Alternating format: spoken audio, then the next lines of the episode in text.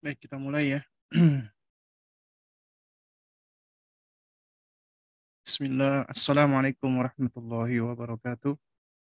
Innal hamdalillah nahmaduhu wa nasta'inuhu wa nastaghfiruh wa na'udzu billahi min shururi anfusina wa min sayyiati a'malina.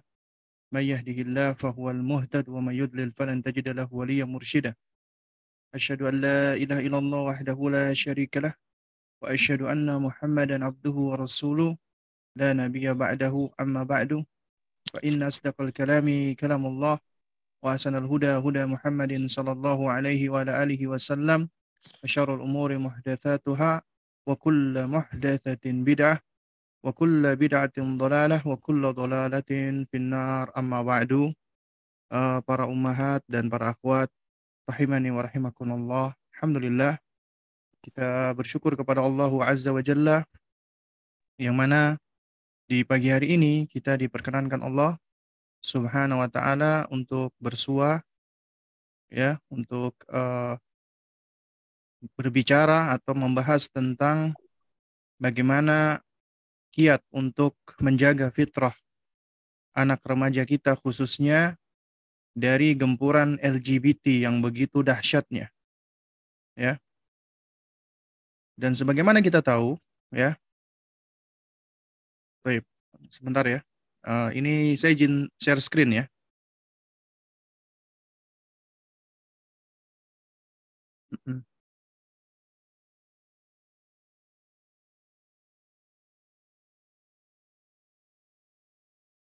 Nah.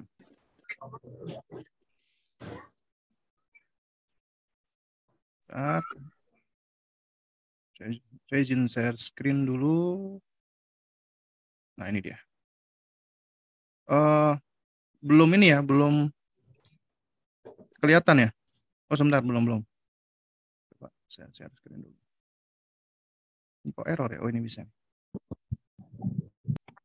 Ya baik, udah kelihatan ya? Ya, nah. Baik, nah, sekalian yang dimulakan Allah Subhanahu wa taala, kita akan berbicara tentang menjaga fitrah anak-anak kita remaja dari gempuran fitnah syahwat LGBT dan syubuhat. Kenapa dikatakan syahwat sekaligus syubuhat? Ya kita tahu syaitan itu punya dua senjata di dalam memalingkan uh, manusia dari jalan Allah, yaitu dari senjata syahwat dan senjata syubuhat.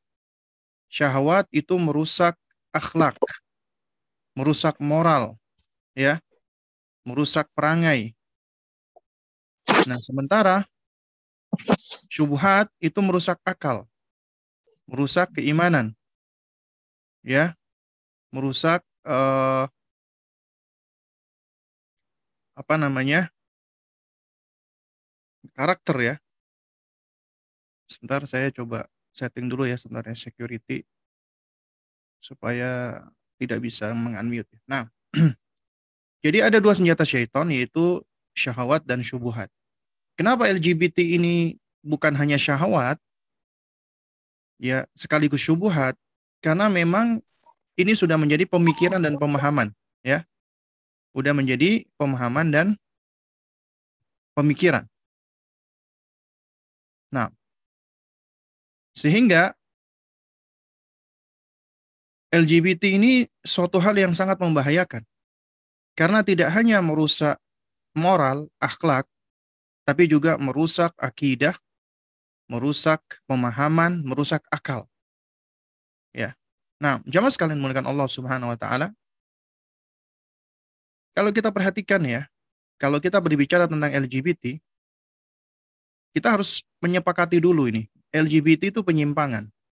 Karena di antara syubuhat, nah ini sekali lagi ya, syubuhat ya, yang dilontarkan oleh sebagian orang, LGBT itu suatu hal yang normal dan perlu diterima menurut mereka. Jadi mereka tidak menganggap itu sebagai penyimpangan. Itu bagian dari hak asasi manusia. Karena manusia berhak untuk menentukan gender dan kecenderungan seksualitas ya pada diri mereka. Padahal kita tahu itu tentunya menyalahi kodrat. Karena Allah menciptakan manusia berpasang-pasangan. Allah ciptakan manusia itu laki-laki dan wanita. Dan laki-laki dan wanita itu Allah ciptakan untuk berpasangan. Tidak malah wanita dengan wanita, laki-laki dengan laki-laki. Ya. Maka itu termasuk penyimpangan. Nah, oleh karena itu, LGBT itu adalah penyimpangan. Menyimpang dari mana fitrah? Fitrah yang Allah Subhanahu wa taala telah tetapkan, Allah telah ciptakan makhluknya berada di atasnya. Ya. Karenanya LGBT itu adalah sesuatu yang menyalahi fitrah. Sesuatu yang menyalahi fitrah itu pasti tidak akan menenangkan, tidak akan menen, menen, menentramkan, ya, tidak akan membuat orang menjadi damai. Malah yang ada itu membuat orang menjadi semakin tidak tenang. Karenanya kalau kita perhatikan, ya, kejahatan-kejahatan yang terjadi yang berkaitan dengan seksualitas, ya, apalagi sampai pembunuhan-pembunuhan yang sadis, itu sering kali motifnya LGBT. Kita lihat ya, seperti kasus dulu siapa si Jagal Jombang, Rian, ya itu motifnya apa? LGBT dan banyak sebenarnya motif-motif LGBT ya yang dilakukan oleh pelakunya ketika mereka menghabisi korban-korbannya. Karena memang ini penyimpangan dari fitrah. Lalu kemudian yang kedua, menyimpang dari naluri, gorizah. Allah menciptakan pada setiap hamba, pada setiap makhluknya itu memiliki naluri. Hewan pun juga memiliki naluri atau ghoriza, ya, insting. Nah, Allah menciptakan kepada kita manusia itu naluri, di antaranya naluri seksualitas. Naluri seksualitas yang alami, yang benar, itu adalah ketika manusia memiliki kecenderungan kepada lawan jenisnya, tidak kepada sesama jenis. Karenanya apabila itu uh, kecenderungan dari manusia ya, malah kepada sesama jenis, ya maka ini ada penyimpangan dari nalurinya, dari warizahnya. Juga menyimpang dari akal sehat. Ini suatu hal yang kita nggak perlu bahas panjang lebar ya, karena akal yang sehat menetapkan laki-laki dan wanita itu diciptakan untuk berpasang-pasangan. Ya, nggak mungkin laki-laki dengan laki-laki atau wanita dengan wanita. Bahkan di dalam apa namanya ya mohon maaf ya di dalam hal-hal yang uh, kita tahu ya, kayak contohnya misalnya ya plak ya, itu plak ya colokan. Itu kalau kita beli itu itu dikatakan mau apa yang female atau yang male? Ya karena nggak mungkin ya colokan yang male itu dicolok dengan sama-sama male. Itu nggak mungkin ya. Jadi pasti dengan female-nya. Ya. Juga sama misalnya uh, apa namanya uh, kalau kita bicara misalnya tentang kunci misalnya juga sama ya. Karena ini suatu hal yang apa ya, yang jelas sejelas matahari yang bersinar di siang hari. Ya. Karena yang orang-orang yang membela atau menerima tentang konsep LGBT, berarti dia menyimpang dari akal yang sehat. Berarti akalnya nggak sehat, akalnya sakit. Dan yang lebih parah lagi tentunya menyimpang dari syariat, dari Islam. Ya, ini suatu hal yang tegas yang nanti akan kita sebutkan. Kemudian juga menyimpang dari agama-agama yang ada pada umumnya. Hampir semua agama menolak LGBT. Ya, semua agama itu umumnya menyimpang eh menyimpang, menolak penyimpangan LGBT. Ya. Dan juga menyimpang dari budaya dan kultur manusia pada umumnya. Ya, karena budaya kultur yang ada pada manusia itu berangkat dari keseharian, keseharian dan kebiasaan. Ya. Sehingga umumnya manusia itu mereka memiliki kultur budaya ketika menikah ya dengan dengan lawan jenisnya bukan dengan sesama jenis. Nah, jadi LGBT itu penyimpangan secara fitrah, naluri, akal sehat, syariat, bahkan agama-agama dan budaya dan kultur yang ada. Jamaah sekalian menekan Allah Subhanahu wa taala. Karena itu, ya homoseksual. Homoseksual artinya apa? Adalah perbuatan melakukan hubungan uh, seksual, hubungan seks atau jima dengan sesama jenis, tidak dengan lawan jenisnya. Itu disebut dengan homoseksual, ya. Jadi jadi kata homo itu artinya sejenis, ya. Kecenderungan untuk tertarik secara seksual kepada sesama jenis. Nah, itu termasuk perbuatan al-fahisha dan al-khaba'ith. Al-fahisha perbuatan keji, al-khaba'ith itu perbuatan menjijikkan. Ini sebagaimana Allah Subhanahu wa taala telah terangkan ya. Yang pertama Allah terangkan ini tentang zina. Kita tahu ya, zina itu umumnya adalah perbuatan uh, jima yang dilakukan oleh pasangan yang tidak halal. Laki-laki dan wanita yang belum menikah, yang tidak halal, itu zina. Ya. Nah, ikatan pernikahan, apa namanya, uh, maksud saya, uh, hubungan seksual tanpa pernikahan, atau disebut dengan zina, adultery, itu adalah fahisha. Ya. Makanya Allah Subhanahu wa taala terangkan wala taqrabuz zina. Janganlah kalian mendekati zina innahu kana fahisha. Karena sesungguhnya ya zina itu adalah perbuatan yang keji, wasa asabila dan cara atau jalan yang buruk. Mendekati saja nggak boleh apalagi melakukannya. Artinya semua sarana yang dapat mendatangkan kepada perbuatan zina itu haram hukumnya. Karena Allah menyebutkan kata wala taqrabu, janganlah mendekati. Yaitu az-zina. Artinya apabila zina saja yang dilakukan oleh lawan jenis haram, maka lebih aula lagi, lebih utama lagi, ya lebih dahsyat lagi dilakukan apabila ya sesama jenis. Maka tentunya lebih lebih dahsyat lagi. Dan ketika ya manusia-manusia yang menyimpang yang muncul di zamannya Nabi Lut alaihissalam, inilah penyimpangan seksualitas, ya penyimpangan seksual pertama kali. Ya, munculnya kaum gay, kaum lesbian, itu homoseksual, pertama kali di zamannya Nabi Lut alaihissalam. Ya mereka tertarik dengan sesama jenis tapi tidak dengan lawan jenisnya. Maka Allah abadikan kisahnya tentang Nabi Lut alaihissalam. Yang mana beliau mendakwai kaumnya agar meninggalkan perbuatan keji ini. Ya Allah berfirman wa Luton dan ingatlah Lut ya Allah mengutus Lut itu qala liqaumihi ketika Lut berkata kepada kaumnya ya atatuna al-fahishata apakah kalian mendatangi atau mengerjakan fahisha, perbuatan keji. Yaitu perbuatan apa? Homoseksual. Dikatakan al-fahisha, perbuatan keji. Makanya di sini pakai alif lam, ya, ma'rifah. Artinya yang dimaksud oleh Nabi Lut itu sesuatu yang sudah jelas, yang sudah definitif. Yang dimaksud fahisha di sini artinya adalah perbuatan lesbian atau gay, homoseksual. Ya, ata'tun al-fahishata. Ya, apakah kalian melakukan perbuatan keji? Nah, coba perhatikan ma sabaqakum biha min ahadin minal alamin yang belum pernah tidak pernah dikerjakan oleh seorang pun sebelum kalian di muka bumi ini. Enggak ada yang melakukan perbuatan seperti ini. Artinya ini adalah perbuatan baru yang muncul pertama kali di zamannya Nabi Lut alaihissalam.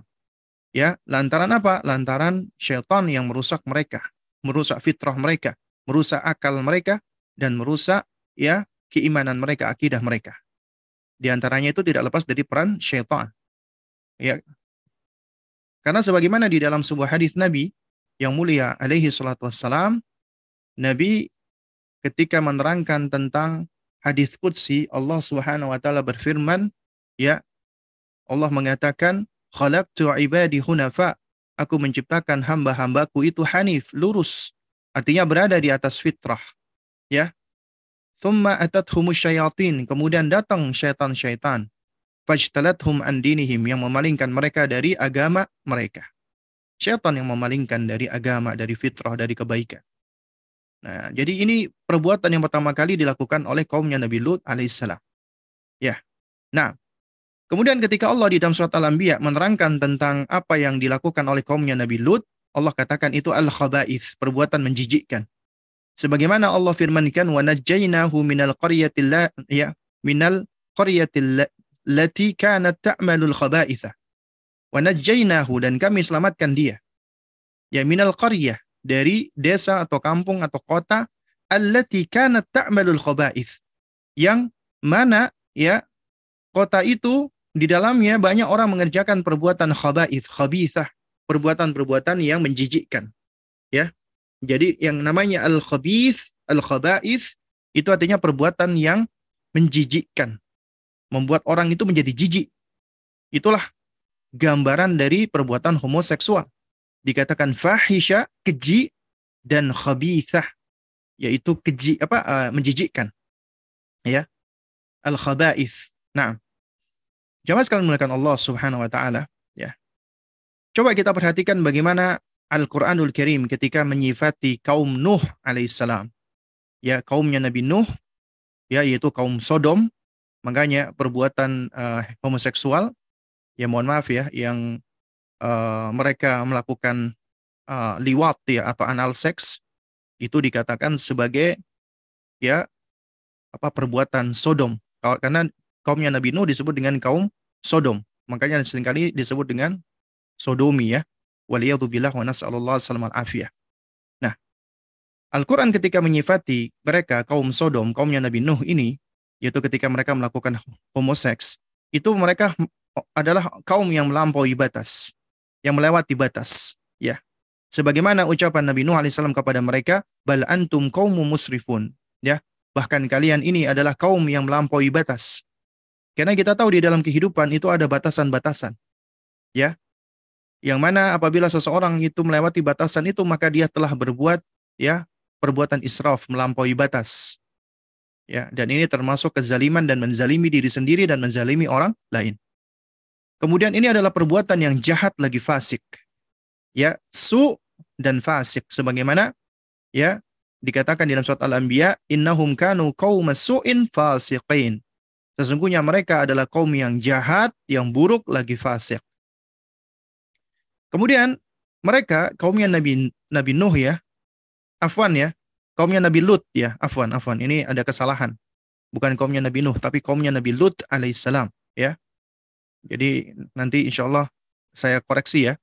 Ini ada kesalahan bukan kaumnya Nabi Nuh, tapi kaumnya Nabi Lut alaihissalam. Ya.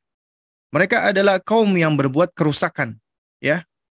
Yaitu mereka berbuat mufsid, ya, ifsad di muka bumi ini. Sebagaimana doanya Nabi Nuh alaihissalam, qala rabbin surni 'alal qaumil mufsidin, ya Rabbku, ya tolonglah aku, bantulah aku dari kaum yang berbuat kerusakan ini. Ya. Jadi Nabi Lut alaihissalam berdoa kepada Allah Azza wa Jalla. Kemudian ya juga disifati kaum yang Nabi Lut ini dengan orang-orang yang zalim. Ya, sebagaimana firman Allah, "Qalu inna muhliku ahli hadhihi al-qaryah inna ahlaha kanu zalimin." Sesungguhnya kami akan menghancurkan ya kaum atau penduduk Sodom ini karena sesungguhnya penduduknya adalah orang-orang yang zalim. Jadi kalau kita perhatikan ternyata ya kaum yang apa namanya yang mengajak kepada LGBT ya yaitu lesbian, gay, bisex dan apa namanya transgender ya itu mereka adalah kaum kaum yang melampaui batas kaum yang jahat lagi fasik kaum yang berbuat kerusakan di muka bumi ini dan kaum yang zalim ini siapa yang mensifati Al-Quran nah ini Allah sifati kepada mereka yaitu kaum Sodom kaumnya Nabi Lut alaihissalam ya dan mereka-mereka yang mengikuti jejaknya kaum Nabi Lut alaihissalam, ya, maka sifat-sifat ini juga layak untuk disematkan kepada mereka. Mereka adalah musrifun. Mereka adalah ya apa namanya? kaum musuin wa dan mereka adalah mufsidun dan mereka adalah zalimun. Ancaman mereka bagi mereka adalah Allah akan binasakan mereka wal billah. Nah, lalu bagaimana cara kita membentengi anak kita ya terutama anak-anak kita yang sudah remaja, dari syubhat, dari syahwat, dari fitnah LGBT ini, ya. Nah, berarti kita harus membangun apa? Imunitas. Kita harus membangun imunitas. Nah, berikut adalah beberapa cara, kiat, ya, agar kita bisa membangun imunitas, membentengi anak kita dari hal ini. Yang kami singkat menjadi kata imunitas. Ya, ini sekali lagi dalam rangka untuk tashil wa taisir ya, untuk mempermudah saja. Kenapa kami gunakan uh, singkatan seperti ini? Karena ini biasanya lebih mudah untuk dipahami. Ya. Insya Allah dan mudah-mudahan ini tidak dianggap sebagai metode cok gali cok ya karena banyak orang-orang yang suka nganggap ini metode cok gali cok padahal tidak ya. Ya ini adalah cara saja metode saja. Nah, yang pertama kata i yaitu iman dan ilmu sebagai benteng pertama. Ya, nanti kita akan bahas di slide berikutnya. Yang kedua, M-nya adalah ma'rifatun nafsi. ya ajarkan kepada anak untuk mengenal dirinya. Ya mengenali ya dirinya. Karena tanpa mengenali diri itu akan mudah bagi mereka mereka jatuh kepada al-maghrur ya, apa ketertipuan terhadap diri dan mereka akan mudah untuk di, ditipu ya. Kemudian yang ketiga, U-nya adalah usia perkembangan anak. Maka perhatikan ya, maksudnya usia perkembangan anak perhatikan cara-cara dan tahapan-tahapan kita di dalam mendidik sesuai dengan usianya perkembangan anak. Kemudian N-nya adalah netralisir keburukan-keburukan yang ada di, di sekelilingnya. Artinya tasfiyah. Nanti kita akan bahas ini satu-satu. Kemudian I-nya adalah informatif. Jadilah orang tua yang informatif, namun kritis ilmiah. Nah, bagaimana maksudnya informatif? Nanti kita bahas. Kemudian T-nya adalah tegas. Jadi orang tua yang tegas, tapi tetap santun dan kasih sayang. Tegas berbeda dengan keras. Ya, tegas bisa dengan lembut, bisa dengan santun, bisa dengan kasih sayang. Dan ini adalah mokifnya seorang muslim, mokifnya orang tua harus seperti ini. Kemudian yang eh, yang berikutnya, yang ketujuh ya, yaitu A, gunakan metode ancaman ya terhib dari keburukan-keburukan, baik itu LGBT termasuk sarana-sarana yang dapat mendatangkan ya murka Allah, yang dapat menghantarkan kepada zina dan yang semisalnya gunakan metode ancaman-ancaman. Nanti pada saat uh, mereka memang sudah waktunya diancam, terutama ketika usia sudah di atas 10 tahun.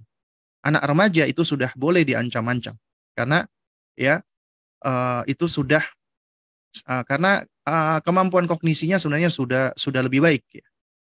Kemudian baru yang terakhir last but not least ya karena bukan ini aja batasannya ya. Delapan ini tidak tidaklah membatasi cara-cara yang lain. Cuman ini sebagian yaitu berikanlah sanksi atau punishment yang sesuai apabila mereka jatuh kepada pelanggaran-pelanggaran. Nah, ini di antara cara kita untuk membentengi anak dari LGBT. Nah, sekarang kita bahas ya satu-satu dari poin-poin ini. Yang pertama, iman dan ilmu itulah benteng yang pertama yang harus kita bangun pada anak-anak kita. Kita tahu ya uh, untuk bisa menghalangi sesuatu maka kita perlu membuat perisai untuk bisa mempertahankan sesuatu kita perlu membuat benteng. Ada benteng pertahanan. Nah, benteng pertahanan manusia dari keburukan itu adalah imannya. Ya. Imannya dan ilmunya. Ya, juga amal solehnya. Karena ilmu itu yang bermanfaat itu membuahkan amal soleh. Oleh karena itu, ya, wajib bagi orang tua untuk mengajarkan akidah dan keimanan dari semenjak dini. Karena inilah yang akan menyuburkan fitrahnya, menjaga fitrahnya, dan menjadi sebab Allah memberikan taufik pada anak-anak kita dan diri kita. Kemudian Allah yang akan menjaga. Karena sejatinya semua kebaikan ya itu berasal dari Allah. Keimanan dan ketakwaan yang ada itu adalah merupakan karunia dan pemberian dari Allah. Sehingga kita harus menjaga dan memeliharanya. Di antara cara kita menjaga dan memelihara adalah menunaikan haknya Allah. Hak Allah yang paling tinggi adalah mentauhidkannya, beribadah hanya kepadanya. Dan ini semua tercakup di dalam bab akidah. Mengajarkan akidah dan keimanan kepada anak dari semenjak dininya. Dan ini nasihatnya semua para nabi dan rasul dan orang-orang saleh. Ya. Adalah nasihat akidah. Ketika Allah mengabadikan Luqman alaihissalam sebagai potret figur pendidik yang istimewa, yang hebat, yang Allah karuniakan hikmah kepadanya, Lukman mengajarkan ketika beliau memberikan nasihat, yaitu nasihatnya adalah berkaitan dengan menjaga haknya Allah. La tusyrik billah. Janganlah engkau menyekutukan anak. Janganlah engkau menyekutukan Allah, nak. Ya. Inna syirka la zulmun azim. Karena sesungguhnya kesyirikan adalah kezaliman yang besar. Kemudian yang kedua, didik anak sesuai dengan fitrahnya. Apa fitrahnya anak? Iman, Islam, tauhid. Ya. Jadi tugas kita itu adalah memelihara dan menjaga fitrahnya. Kita hanya perlu menjaga, memelihara dan menumbuhkan. Fitrah anak akan tumbuh subur apabila kita didik ya di atas akidah yang benar, di atas Al-Qur'an dan sunnah. Di atas syariat Allah Subhanahu wa taala. Maka itulah yang akan menyuburkan dan menguatkan pertumbuhan fitrahnya. Kemudian ya yang perlu yang perlu kita pahami bersama dan ini harus kita ajarkan kepada anak-anak kita yaitu konsep bahwa Allah menciptakan makhluknya berpasang-pasangan, termasuk manusia. Dan Allah hanya menciptakan dua gender, dua jenis kelamin. Laki-laki dan wanita, tidak ada gender ketiga. Karena itu dari semenjak kecil, dari semenjak bayi, ya itu sejatinya kita harus sudah mengajarkan kepada anak-anak kita. Dan mereka itu secara perkembangan bisa membedakan antara abinya dengan uminya. Abinya adalah laki-laki, uminya adalah perempuan. Dan itu sesuatu yang berbeda. Mereka bisa memperhatikan berbeda dari suaranya, cara bicaranya, cara apa namanya berjalannya, cara berpakaiannya, gestur tubuhnya, itu semua berbeda, nggak sama. Karena memang Allah ciptakan laki-laki dan wanita itu berbeda, tidak sama. Ya. Dan ini suatu hal yang udah bisa disaksikan oleh anak kita dari semenjak mereka masih bayi. Ya. nah, oleh karena itu, ketika Allah menciptakan makhluk yang berpasang-pasangan, dari pasangan laki-laki dan wanita itulah manusia bisa berketurunan.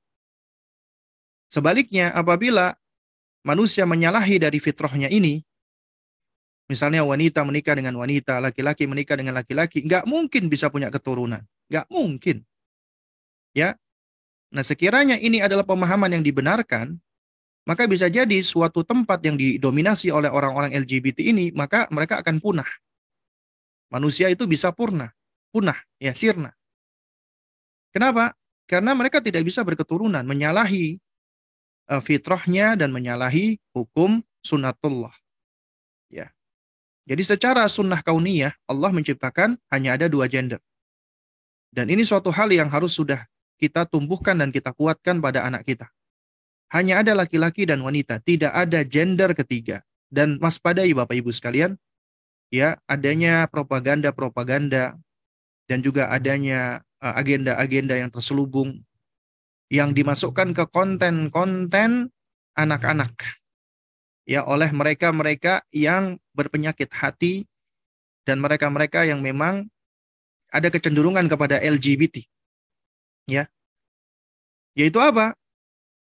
Yaitu mereka isi di dalam konten-konten ya kayak misalnya program yang ditujukan untuk anak-anak meskipun tidak layak ditonton untuk anak-anak di situ akan ada misalnya orang-orang yang menunjukkan laki-laki yang keperempuan-perempuanan atau perempuan yang kelaki-lakian, ya.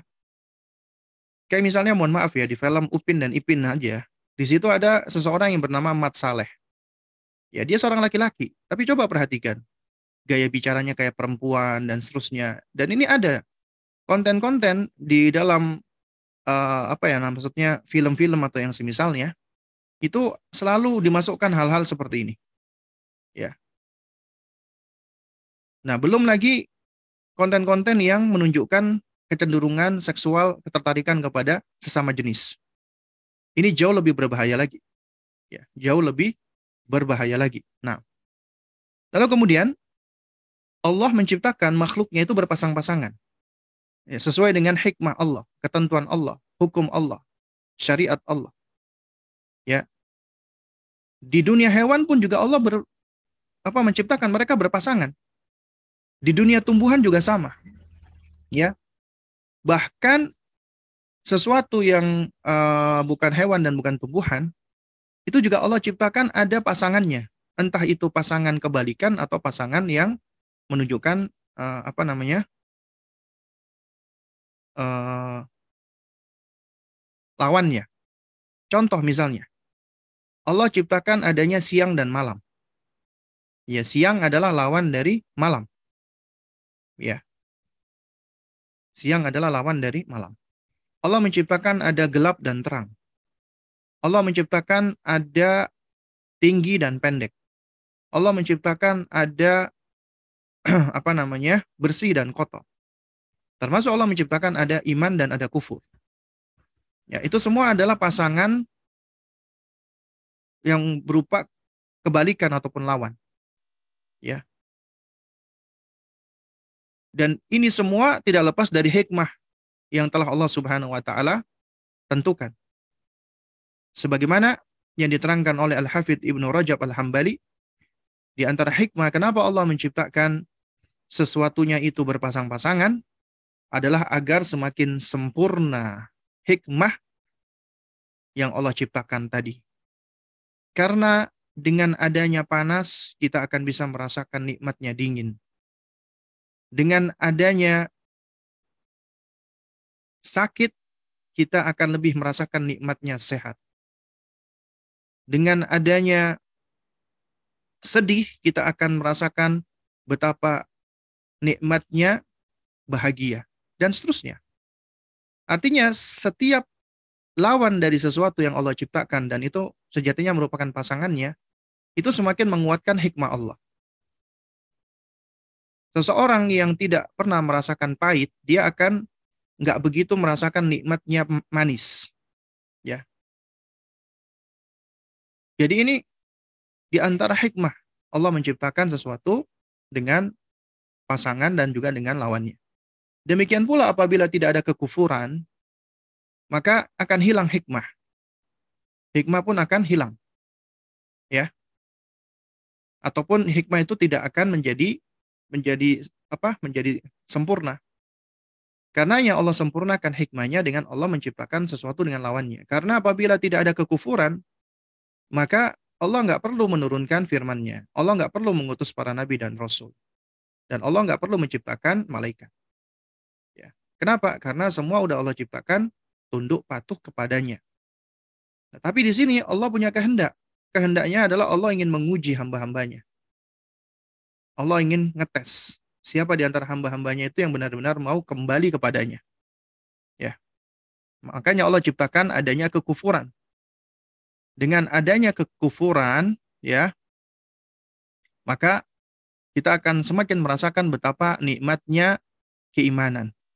Betapa pentingnya dakwah, amar ma'ruf nahi mungkar dan perjuangan. Ya. Nah, jadi jamaah sekalian Allah Subhanahu wa taala, itulah hikmah. Kenapa Allah menciptakan makhluknya ber, berpasang-pasangan. Lalu kemudian, ya, yang berikutnya, di sinilah pentingnya urgensi pendidikan seksualitas, yaitu tarbiyah al-jinsiyah. Yang perlu dibedakan, yang perlu kita pahami, tidak sama antara pendidikan seks dengan pendidikan seksualitas. Pendidikan seksualitas atau tarbiyah al-jinsiyah adalah kita mendidik anak-anak kita sesuai dengan kodratnya, sesuai dengan seksualitasnya, sesuai dengan gendernya, sesuai dengan jenis kelaminnya. Ini sesuatu yang sudah jelas di dalam agama kita. Karena Allah menciptakan anak laki-laki dan anak wanita itu berbeda. Sebagaimana ketika ibundanya Maryam alaihissalam yang bernama Hana alaihissalam ketika beliau mengandung kemudian melahirkan, ternyata Allah karuniakan kepadanya anak perempuan bukan anak laki-laki. Awalnya beliau mengira anak laki-laki karena beliau sudah bernadar, "Inni nadartu ma fi batni muharrar." Kata beliau, "Ya Allah, aku nazarkan anak yang ada di dalam rahimku ini untuk bisa menjadi muharrar." Ya orang yang akan beribadah dan mengabdi berkhidmat kepadamu ya seumur hidupnya Nah, tapi ternyata yang lahir perempuan. Ya. Makanya beliau mengatakan Robbi ini wadha'tu unsa. Wahai Robku, aku melahirkan anak perempuan. Ya. Kemudian kata beliau walisa dzakaru kal unsa. Dan anak perempuan itu nggak sama dengan anak laki-laki. Anak laki-laki itu berbeda sama anak perempuan. Ya, ada perbedaan. Perbedaan itu tidak menunjukkan yang satu lebih penting, yang satu lebih afdol, yang satu lebih utama daripada yang satunya. Tidak. Tapi perbedaan itu menunjukkan adanya keistimewaan masing-masing. Istimewaan ini tidak perlu disetarakan. Karena apabila disetarakan berarti salah satu dari keduanya itu merasa inferior. Seperti misalnya kaum wanita, kaum feminis ya, yang berkoar-koar kesetaraan gender. Berarti sadar nggak sadar mereka itu sendiri yang menganggap wanita itu inferior. Wanita itu rendah. Padahal sejatinya wanita itu istimewa. Dan kebanyakan mereka adalah orang-orang yang hipokrit, orang-orang yang munafik. Berkoar-koar untuk uh, membela hak asasi wanita, kesetaraan gender. Tapi sejatinya apa? Sejatinya mereka itu sendiri yang menghinakan wanita.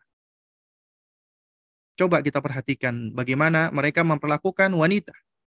Orang-orang kafir, orang-orang barat. Wanita itu dijadikan sebagai properti publik. Kalau kita perhatikan ya, misalnya perusahaan itu mengeluarkan produk baru, apa pun itu, mau handphone, mau kendaraan, mau gadget, mau gawai. Coba kita lihat. Yang ditugaskan untuk mendisplay sekaligus menjadi displaynya adalah wanita. Dengan pakaian-pakaian seronok, pakaian-pakaian membuka aurat. Ya, lalu kemudian mereka bersanding dengan gawai tersebut. Seakan-akan ya wanita itu disamakan dengan gawai tadi. Ya. Disetarakan dengan gawai tadi. Nah, tapi mereka berkoar-koar kesetaraan gender. Dan betapa banyak mereka-mereka yang meneriakkan kesetaraan gender itu hanya pengen enaknya aja. Laki-laki berhak untuk men, apa, menduduki jabatan, laki-laki berhak untuk mendapatkan apa kedudukan, laki-laki berhak untuk menjadi pimpinan. Kenapa kita wanita tidak? Tapi ketika berkaitan dengan pekerjaan kasar, menjadi kuli bangunan misalnya, ya, atau pekerjaan-pekerjaan fisik, itu tugasnya laki-laki. Ya itu tugasnya laki-laki. Karena wanita tidak sepatutnya bekerja seperti itu. Sadar nggak sadar, mereka sendiri meyakini memang berbeda karena secara fisik Allah menciptakan laki-laki dan wanita berbeda. Laki-laki memang Allah ciptakan fisiknya itu cenderung kuat. Dari struktur tulangnya, ototnya, itu kuat. Nah ini hal-hal yang harus sudah kita tanamkan di dalam anak kita gitu loh. Beda laki-laki dan wanita punya keistimewaan masing-masing. Ya. Jadi masing-masing itu memiliki keistimewaan. Karenanya ketika Allah Subhanahu wa taala berfirman, ya, lillahi mulkus samawati wal ardi yakhluqu ma yasha, ya, wa yahabu liman yasha'u inatha wa yahabu liman yasha'u adz-dzukura. Milik Allah lah kerajaan yang ada di langit dan di bumi dan Allah menciptakan sesuai dengan kehendaknya. Ini perhatikan, Allah menciptakan sesuai dengan kehendaknya dan Allah menghibahkan, artinya mengkaruniakan kepada hamba-hambanya anak-anak wanita. Inathan. Dan Allah mengkaruniakan kepada hamba-hambanya az anak-anak laki-laki. Ini ayat menunjukkan tentang keistimewaan anak laki-laki dan keistimewaan anak perempuan. Allah menyebutkan pertama kali inasan, anak perempuan. Sebelum anak laki-laki. Kata para ulama, apa ketika sesuatu disebutkan lebih dulu itu menunjukkan tafdil, pengutamaan, pemuliaan. Artinya ada keutamaan dan keistimewaan anak perempuan ketika disebutkan pertama kali oleh Allah. Berarti anak perempuan itu istimewa dan demikian memang ya sebagaimana diterangkan oleh para ulama kita ya berangkat dari hadis-hadis Nabi yang mulia alaihi salatu wassalam ya bahwasanya apa? Bahwasanya anak perempuan itu bisa menjadi sebab jannah masuk surganya orang tuanya. Junnah terhalangnya orang tua dari neraka. Dan dibangkitkan orang tuanya dekat dengan Nabi SAW. Itu istimewanya anak perempuan. Dan perempuan itu istimewa di apa di dalam semua fase kehidupannya. Ketika masih menjadi anak-anak, ya anak perempuan itu menjadi sebab kebaikan bagi orang tuanya. Tadi jannah, junnah dan dibangkitkan dekat dengan Nabi. Ketika menjadi seorang istri, juga sama, ya. Wanita ketika menjadi istri itu istimewa, spesial. Jadi apabila mereka menunaikan haknya Allah, ya idza salatil mar'atu khamsah apabila wanita salat lima waktu, itu haknya Allah. Ya artinya dia menunaikan haknya Allah di dalam beribadah, di dalam salat, dia membangun koneksi dengan Allah. Lima waktu dia salat. Wasomat syahroha dan dia berpuasa sebulan penuh. Ya, Kemudian wahafidhat farjaha. Kemudian dia menjaga kesuciannya. Wa ata'at ba'laha atau wa ata'at zaujaha. Kemudian dia menaati suaminya. Maka wakilalaha dikatakan kepadanya apa? Udkhuli min abwabil jannati masyiti. Masuklah kamu dari pintu surga mana saja yang kamu inginkan. Itu istimewanya wanita. Bisa memilih pintu surga dari mana saja yang mereka kehendaki, mereka inginkan. Apalagi menjadi ibu, istimewa lagi. Nabi mengatakan ummuka ummuka wa ummuka. Tiga kali. Kemudian summa abuka. Artinya anak itu memiliki tanggung jawab untuk memperhatikan ibunya lebih utama, lebih besar daripada ayahnya. Tiga kali Nabi sebutkan. Karena memang Allah istimewakan wanita di dalam Al-Quran. Dalam hal berbuat baik, itu dikhususkan ibu. ya. Ketika misalnya Allah menyebutkan ya uh, untuk berbuat baik kepada kedua orang tua ya. Wa wasainal insana biwalidayhi dan kami perintahkan manusia untuk berbuat baik kepada kedua orang tuanya. Kemudian Allah menyebutkan secara khusus ibu. Hamalathu ummuhu wahnan ala wahnin wa fisaluhu fi amaini. Dan ibu itu ya mengandung semakin lama semakin berat ya Nah, di antara keistimewaan ibu disebutkan yang tiga tadi adalah ibu yang mengandung ibu yang melahirkan dan ibu yang menyusui. Tiga hal ini tidak bisa dilakukan oleh laki-laki. Itu istimewanya wanita. Karenanya kita tumbuhkan di dalam diri anak-anak kita ya tentang keistimewaan ini sesuai dengan gendernya. Karenanya ya Nabi SAW ketika memberikan uh, apa namanya memberikan metode-metode di dalam membesarkan anak itu sesuai dengan gender. Mulai dari pemberian nama, ya hendaknya diberikan nama sesuai dengan gendernya. Makanya para ulama itu apa namanya menasehatkan untuk menghindari nama-nama yang unisex. Karenanya kita nggak akan dapati anak laki-laki punya nama Khadijah, punya nama Aisyah. Karena nama ini adalah nama memang untuk perempuan. Ya, sebagaimana anak perempuan kita nggak akan dapatin namanya Abdullah, Abdurrahman, Muhammad, ya, Yahya, Zakaria, nggak ada. Ya, kecuali apa namanya orang tuanya yang error ya. Nah, artinya dari dari sisi pemberian nama saja yang merupakan hak anak, ya selain memberikan nama yang baik harus sesuai dengan gendernya. Sesuai dengan gendernya. Kemudian dalam hal akikoh misalnya. Nabi membedakan anak laki-laki dan anak wanita. Akikoh laki-laki dua ekor kambing, wanita satu ekor kambing. Dalam hal mencukur rambut, ya para ulama menerangkan laki-laki dianjurkan. Wanita tidak. Artinya tidak dicukur rambutnya boleh. Bahkan sebagian ulama memakruhkan karena wanita rambutnya adalah bagian dari apa kemuliaannya. Apabila dicukur aib. Maksudnya dibotakin. Khitan misalnya. Laki-laki wajib. Wanita keutamaan. Nggak wajib bagi wanita khitan. Dan masih banyak lagi. ya. Nah, juga aurat wanita lebih luas daripada auratnya laki-laki. Nah, ini bagian dari tarbiyah ya, pendidikan seksualitas. Bukan pendidikan seks. Ya, pendidikan seks ini sebagaimana yang yang digaung-gaungkan itu berbahaya karena mengajarkan anak bagaimana berzina dengan cara yang aman. Itu ngeri banget itu. Ya.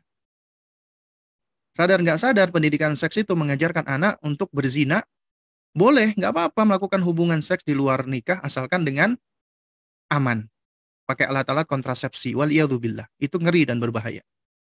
Ya. Nah, oleh karena itu pendidikan seksualitas dengan pendidikan seks berbeda. Ya. Nah, kemudian kita lanjutkan ke berikutnya. Ya, oh kita masuk dulu ini. Kita coba merenungi ya, renungan Quraniyah imaniyah. Ya. Firman Allah Subhanahu wa taala. Allah berfirman, "Ya ayuhan nas, wahai sekalian manusia, inna khalaqnakum min min dzakarin wa untha." Sesungguhnya kami menciptakan kalian, nah ini perhatikan, dari seorang laki-laki dan seorang wanita. Siapa itu? Bapak kita, Adam alaihissalam. Laki-laki bapak kita. Kemudian Allah ciptakan darinya, dari Adam alaihissalam, itu unsa, seorang wanita, itu ibunda Hawa. Makanya secara asal penciptaan, manusia yang diciptakan tanpa ayah dan ibu, ya tanpa laki-laki dan wanita, bapak kita, Nabiullah Adam alaihissalam wanita yang diciptakan dari laki-laki tanpa wanita adalah ibunda Hawa. Ya, dan kemudian manusia yang diciptakan dari wanita tanpa ada laki-laki adalah Nabi Isa alaihissalam. Itulah ya uh, keistimewaan yang Allah berikan kepada sebagian hamba-hambanya. Nah, kita semua itu berasal dari laki-laki dan wanita seorang laki-laki dan seorang wanita, yaitu bapak kita Nabiullah Adam dan ibu kita Ibunda Hawa. Kemudian dari keduanya Allah katakan waja'alnakum syu'uban wa Kemudian kami jadikan kalian itu berbangsa-bangsa dan bersuku-suku. Ya. Karena Allah ciptakan anak-anak keturunan Adam itu memiliki kekayaan genetik, ya, diversitas yang luar biasa. Akhirnya dari keturunan Nabiullah Adam alaihissalam dan ibunda Hawa, maka bermuncullah macam-macam manusia. Mulai dari yang hidungnya mancung, hidungnya tidak mancung, kulitnya putih, kulit merah, kulit kuning, kulit sawo mateng, rambut lurus, rambut keriting, dan seterusnya. Jadi Allah ciptakan semuanya berbangsa-bangsa dan bersuku-suku. Apa tujuannya? Lita arofu agar kalian saling mengenal satu dengan yang lainnya. Dan Allah tidak apa namanya menilai seseorang itu dari penampilannya, dari rupanya, dari bentuknya, dari jasmaninya. Enggak. Makanya Allah terangkan inna akramakum indallahi atqakum. Sesungguhnya yang paling mulia di antara kalian adalah siapa yang paling bertakwa dari kalian. Bukan yang paling ganteng, bukan yang paling tinggi, bukan yang paling putih, bukan yang paling lurus rambutnya, bukan. Bukan dari suku ini, bukan dari ras ini yang paling mulia, bukan. Tapi siapa di antara kalian yang paling bertakwa itulah yang paling mulia. Anak-anak keturunan Adam itu dinilai bukan dari nasabnya, bukan dari warna kulitnya, bukan dari bentuk hidungnya, bukan dari warna matanya, bukan dari penampilannya, bukan dari jasadnya, tapi dari ketakwaannya. Innallah alimun khabir. Allah maha mengetahui lagi maha mengenal. Nah, dari sini ada isyarat Allah menciptakan kita itu dari laki-laki dan wanita. Artinya laki-laki dan wanita itu memang berpasangan. Ya, itu sesuatu hal yang fitrawi, yang naluri, akal sehat. Ya. Nah, kemudian kita perhatikan dalam surat An-Naba. Allah mengatakan wa khalaqnakum azwaja. Kami menciptakan kalian itu berpasang-pasangan. Kemudian Allah juga berfirman wa annahu khalaqaz zawjaini dzakara wal untha. Dan bahwasanya dialah Allah yang menciptakan ya pria dan wanita itu berpasang-pasangan. Jadi kita semua itu Allah sudah ciptakan berpasang-pasangan. Karena itu kita nggak usah khawatir, nggak usah sedih. Apabila saat ini misalnya Allah belum menghadirkan pasangan atau ternyata pasangan yang selama ini yang sudah membersamai kita ternyata memang bukan jodoh kita. Ya ketika kita misalnya berpisah dengannya. Ketahuilah bahwasanya kita semua sudah diciptakan Allah berpasang-pasangan. Ya. Sebelum kita wujud di muka bumi ini, Allah sudah menetapkan, Allah telah tuliskan semuanya. Ya. Puluhan ribu tahun sebelum Allah menciptakan langit dan bumi, Allah sudah perintahkan al-qalam, uktub, tulislah semua apa yang akan terjadi. Allah simpan di dalam lauhil mahfud.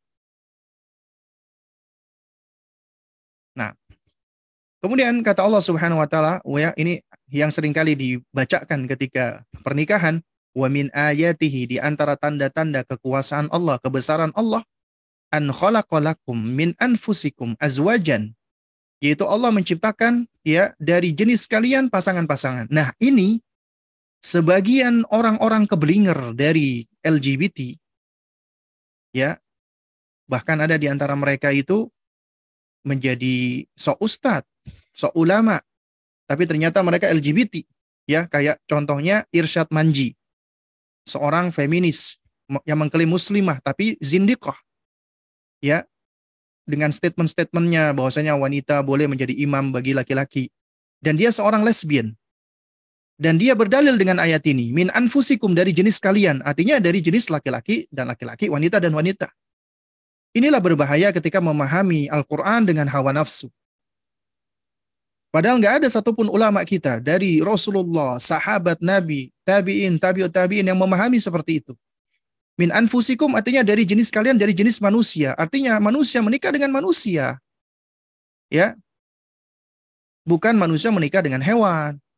Manusia menikah dengan jin, manusia menikah dengan boneka, bukan seperti itu. Tapi dari jenis kalian, dari jenismu sendiri yaitu dari jenis manusia. Azwajan berpasang-pasangan, artinya berpasangan berarti ada laki-laki dan ada wanita. Untuk apa? Litas kunu ilaiha.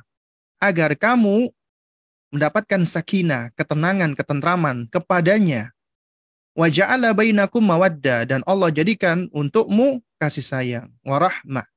Ya Allah, Allah jadikan apa namanya? Dan Allah berikan di antaramu itu yaitu mawaddah, cinta, warahmah dan kasih sayang. Inna inna fi dzalika laayati liqaumi yatafakkarun.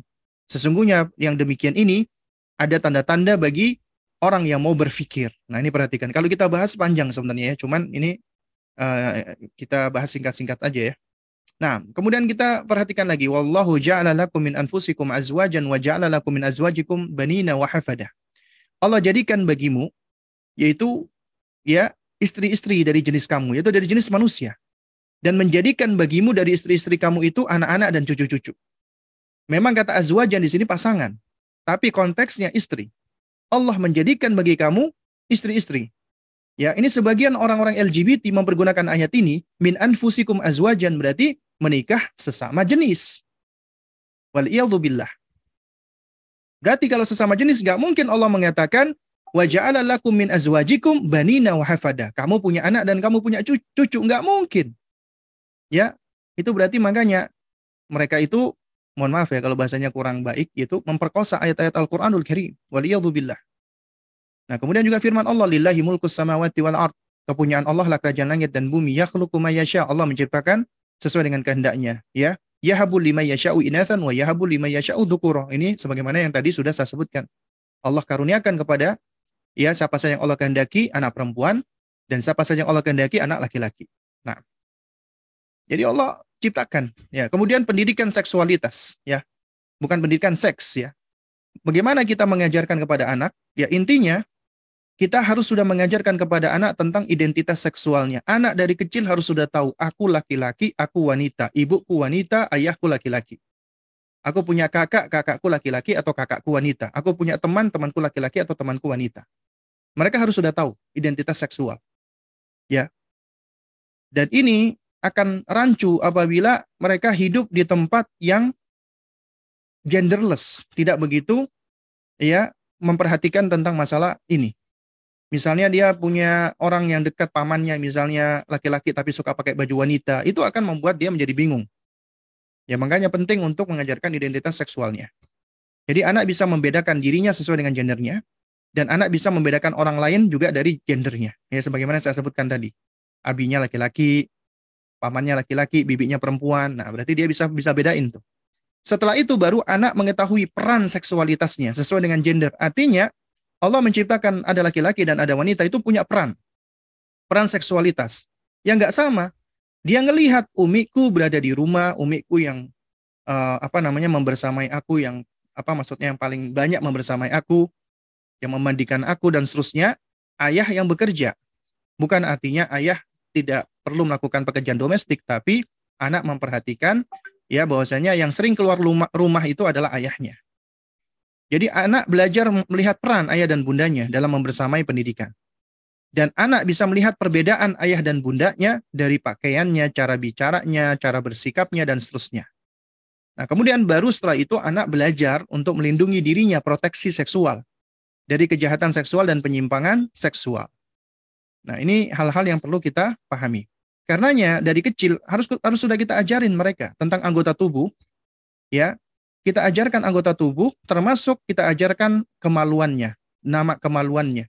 Dan ini sesuatu yang harus dijaga, ditutupi. Kalau dibuka, malu. Nggak boleh disentuh oleh siapa pun kecuali abi atau umi. Ya. Jadi kalau misalnya ada yang nyentuh bagian-bagian itu, kamu harus lapor sama abi atau umi. Ya. Nah, dia harus tahu itu ada bagian-bagian private, bagian-bagian privasi. Nah, baru kemudian yang kedua adalah ma'rifatun nafs, mengenali diri. Artinya kita harus mendidik anak kita, dia harus mengenali dirinya. Dirinya adalah sebagai hamba Allah, ciptaan Allah. Berarti ciptaan Allah itu punya tujuan. Tujuannya untuk apa? Kita ajarkan beribadah kepada Allah, mengenal Allah dan beribadah kepada Allah. Sehingga anak itu tahu mereka punya misi dan tujuan hidup. Sehingga tidak disorientasi di muka bumi ini. Nah mereka yang tidak diajarkan ini, mereka akan disorientasi, bingung. Kemudian juga kita ajarkan dan kita juga memahami instrumen yang Allah karuniakan kepada kita dan anak kita. Allah berikan fitrah, Allah berikan naluri, Allah berikan adawat di ta'allum, instrumen belajar, yaitu pendengaran, penglihatan, dan akal. Allah berikan emosi, Allah berikan perasaan. Ini semua Allah berikan kepada hamba-hambanya. Harus dikenalkan. Dan semua instrumen ini bertujuan untuk mengokohkan kita di dalam menaati Allah Subhanahu wa taala. Allah berikan ini semua itu untuk apa? Untuk apa? Mensupport kita di dalam beribadah. Dan semua instrumen ini ya terutama instrumen belajar, akal, emosi, perasaan itu bisa menjadi ujian. Ya, bisa menjadi ujian.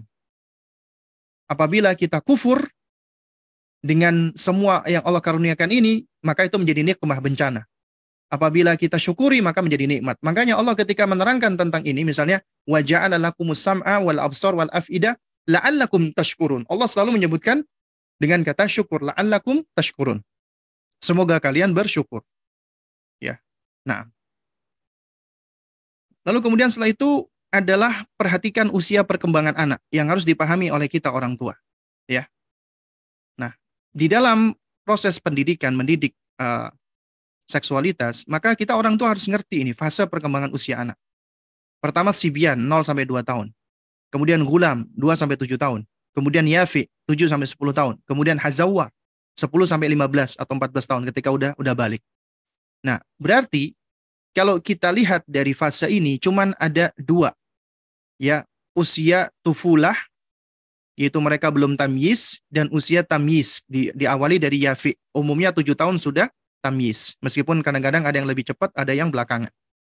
Nah, dari sini kita bisa menerapkan pendidikan sesuai dengan apa? Sesuai dengan fase perkembangannya sehingga kita bisa mendidik secara hikmah.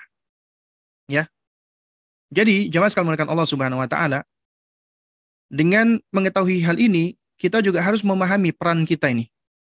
Peran ayah dan ibu. Misalnya di usia sibian 0 sampai 2 tahun secara alami, secara sunnah kauniyah, Allah, anak itu dekat dengan ibunya. Karena mereka sangat butuh dengan ibunya. Makanya nggak boleh dipisahkan anak di usia bayi dari ibunya. Yaitu termasuk kezaliman.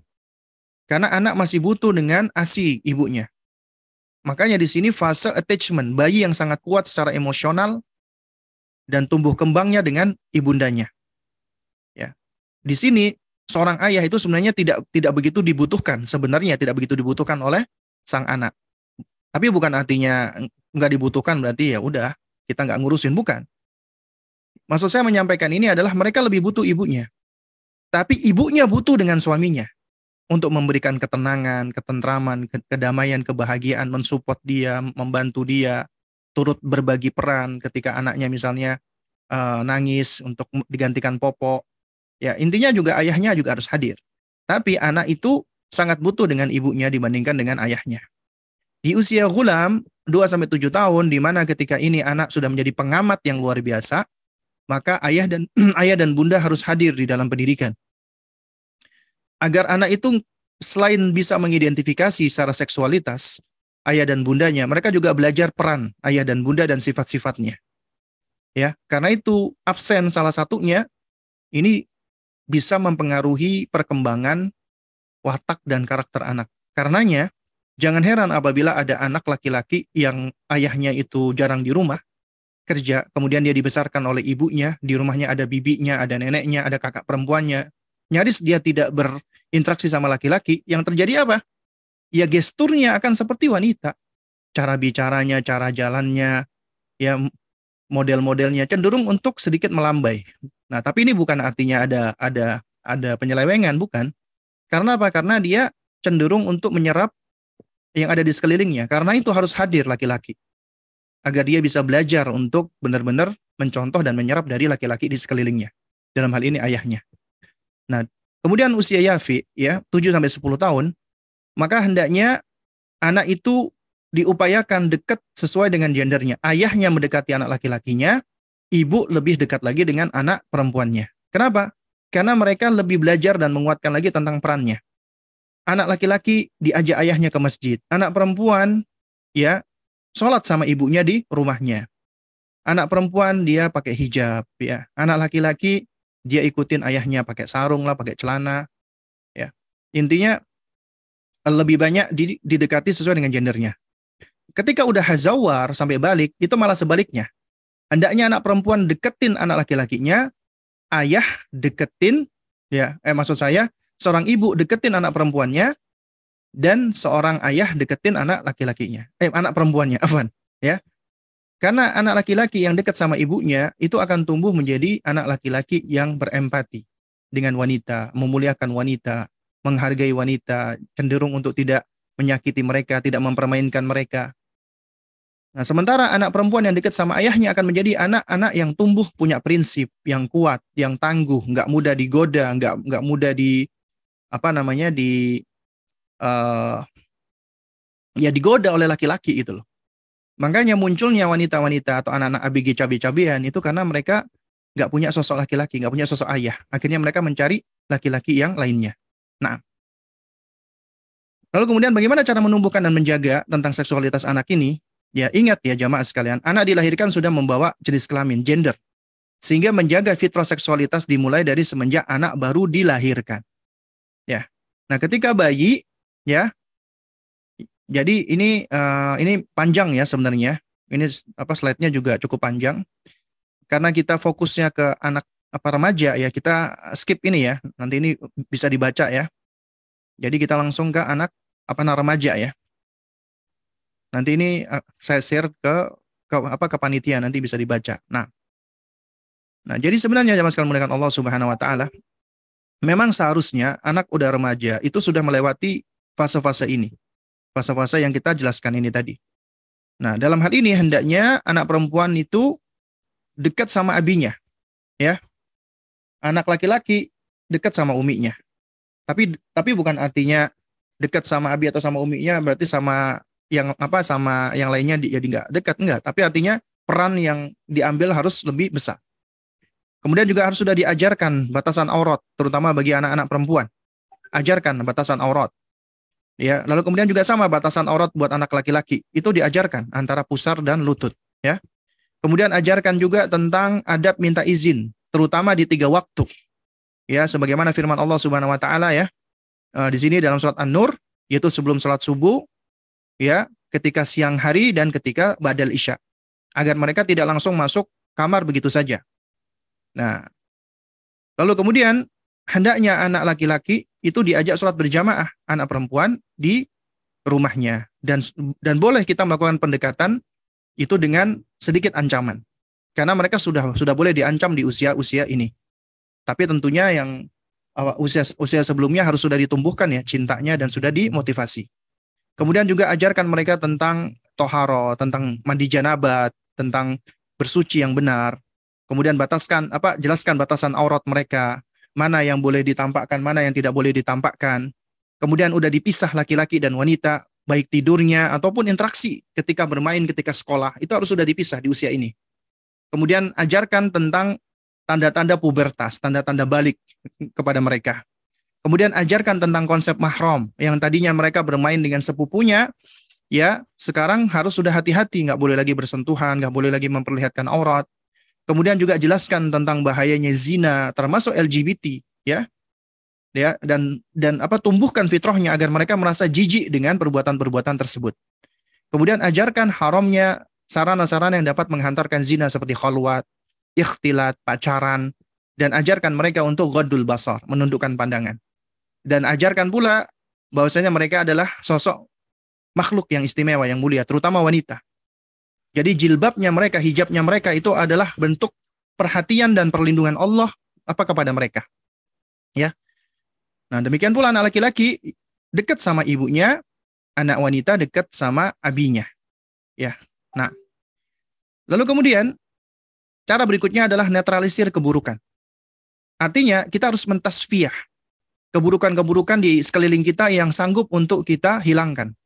Meskipun kita nggak bisa menghilangkan semua, karena imunitas yang paling utama, imunitas diri, dalam diri dulu. Kemudian baru kita membantu dengan menetralisir keburukan. Bagaimana caranya? Tutup semua sarana keburukan. Terutama dalam hal pornografi, porno aksi, dan yang semisalnya. Jadi, kita harus benar-benar memonitor, mengawasi, dan mewaspadai gawai dan gadget. Penggunaan gawai dan gadget anak-anak kita. Termasuk juga sahabat-sahabatnya. Orang tua yang benar, yang baik, dia harus tahu dengan siapa anak-anaknya ini bersahabat, bergaul. Ya. Kemudian orang tua hadir di dalam pendidikan dan pembersamaan anaknya. Jadi nggak dibiarkan anaknya begitu saja. Kemudian bersihkan rumah dari segala bentuk keburukan. Gambar-gambar makhluk bernyawa, patung-patung, alat musik, termasuk ya adanya majalah-majalah ataupun hal-hal yang mengandung uh, gambar-gambar makhluk bernyawa itu misalnya yang apalagi yang sampai membuka aurat. Kemudian filter konten-konten media yang ada di rumah, baik itu di TV, radio streaming, kayak konten YouTube, apa TikTok dan yang semisalnya, itu benar-benar harus difilter, dimonitor dan difilter. Awasi penggunaan gawai, kemudian selektif dalam pergaulan anak, ya. Ajarkan mereka untuk berhati-hati di dalam bergaul. Ya. Nah, kemudian yang berikutnya adalah informatif tapi kritis ilmiah. Jadi jadilah pendidik yang berilmu. Ketika kita mendampingi mereka, kita benar-benar punya ilmunya dan bisa mengarahkan mereka ke arah yang benar. Ya. Dan jadilah orang tua yang informatif, artinya yang mampu memberi dan membagi informasi kepada anak, terutama tentang problem ketika mereka menjadi anak remaja, apa ketika mereka sudah menjadi balik. Jadi nggak boleh kita malu untuk menjelaskan kepada mereka tentang haid, tentang apa namanya, tentang eh, hal-hal uh, yang yang bersifat seksualitas, termasuk ketertarikan kepada lawan jenis. Karena kalau bukan kita, siapa lagi gitu loh. Bahaya kalau mereka mencari jawaban sendiri. Ya, bahaya. Ketika anak laki-laki sudah mimpi basah misalnya, ini perannya ayah dan juga ibu boleh untuk untuk menjelaskan dan menerangkan. Demikian pula ketika anak wanita sudah haid atau menstruasi, ya. Kemudian ketika mereka sudah mulai ada ketertarikan dengan lawan jenis, ya. Kemudian juga ketika anak laki-laki sudah punya syahwat, ya, ketika melihat sesuatu, ya. Ini penting. Orang tua harus mendampingi ya. Jadi orang tua yang informatif. Jangan sampai mereka mencari jawaban sendiri. Dan itu bisa berbahaya gitu loh. Dan jadilah orang tua yang kritis. Artinya kritis nggak mudah menerima atau menolak suatu informasi sebelum verifikasi dan tabayun ya. Dan kemudian orang tua yang ilmiah selalu berpijak pada landasan keilmuan yang argumentatif dan logis nah contoh misalnya di antara ke keengganan orang tua atau merasa tabu ketika menjelaskan kepada anak-anaknya terutama udah remaja ini ya tentang yang berkaitan dengan masalah apa kemaluan atau apa kelaminnya. Kadang-kadang orang tua itu enggan untuk menyebut namanya. Padahal nama itu adalah nama memang merupakan anggota tubuh. Ketika kita menyebut ya sesuatu itu kembalinya kepada maksud dan tujuan dan niat. Kalau memang maksudnya jelek, tujuannya adalah untuk hal-hal vulgar, ya haram. Tapi kalau tujuannya adalah memang untuk memberikan label agar mereka tahu, ngerti, ya itu suatu hal yang dibutuhkan. Contoh misalnya, ya, alih-alih ya, ini mohon maaf ya, ketika kita punya anak nih, laki-laki, ketimbang, apalagi ketika ini ya, mereka masih kecil ya, itu sering kali kan kita menyebut, mohon maaf ya, kemaluan laki-lakinya dengan kata burung. Padahal itu jelas suatu hal yang berbeda ya. Jadi menyebut itu dengan apa sebutan burung itu kurang baik ya. Jadi yang lebih tepat adalah kita menyebut langsung namanya. Gitu ya. Kenapa? Karena itu memang bagian penamaan dari anggota tubuhnya. Jadi ya kita harus mempergunakan bahasa-bahasa yang memang digunakan gitu. Itu namanya. Nah, itu nanti kalau misalnya kamu nggak bersih nanti apa namanya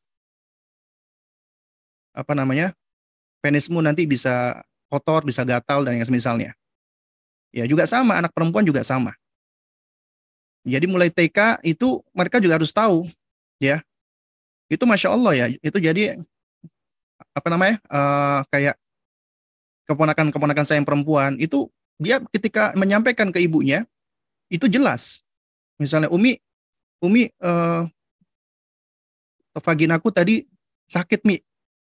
Loh, nak uh, kenapa nak? Karena ini. Jadi ketika mereka menyampaikan dan menyebutkan ini bukan suatu hal yang vulgar, bukan yang tabu. Karena memang menyebutkan namanya. Bukan untuk tujuan-tujuan yang lain. Jadi nggak masalah kita menyebutkan anggota tubuh sebagaimana namanya. Nah meskipun ya juga dalam beberapa kondisi ya kita boleh dengan bahasa-bahasa isyarat misalnya. Karena ini juga yang dilakukan oleh Nabi. Nabi juga seorang yang apa namanya pemalu ya.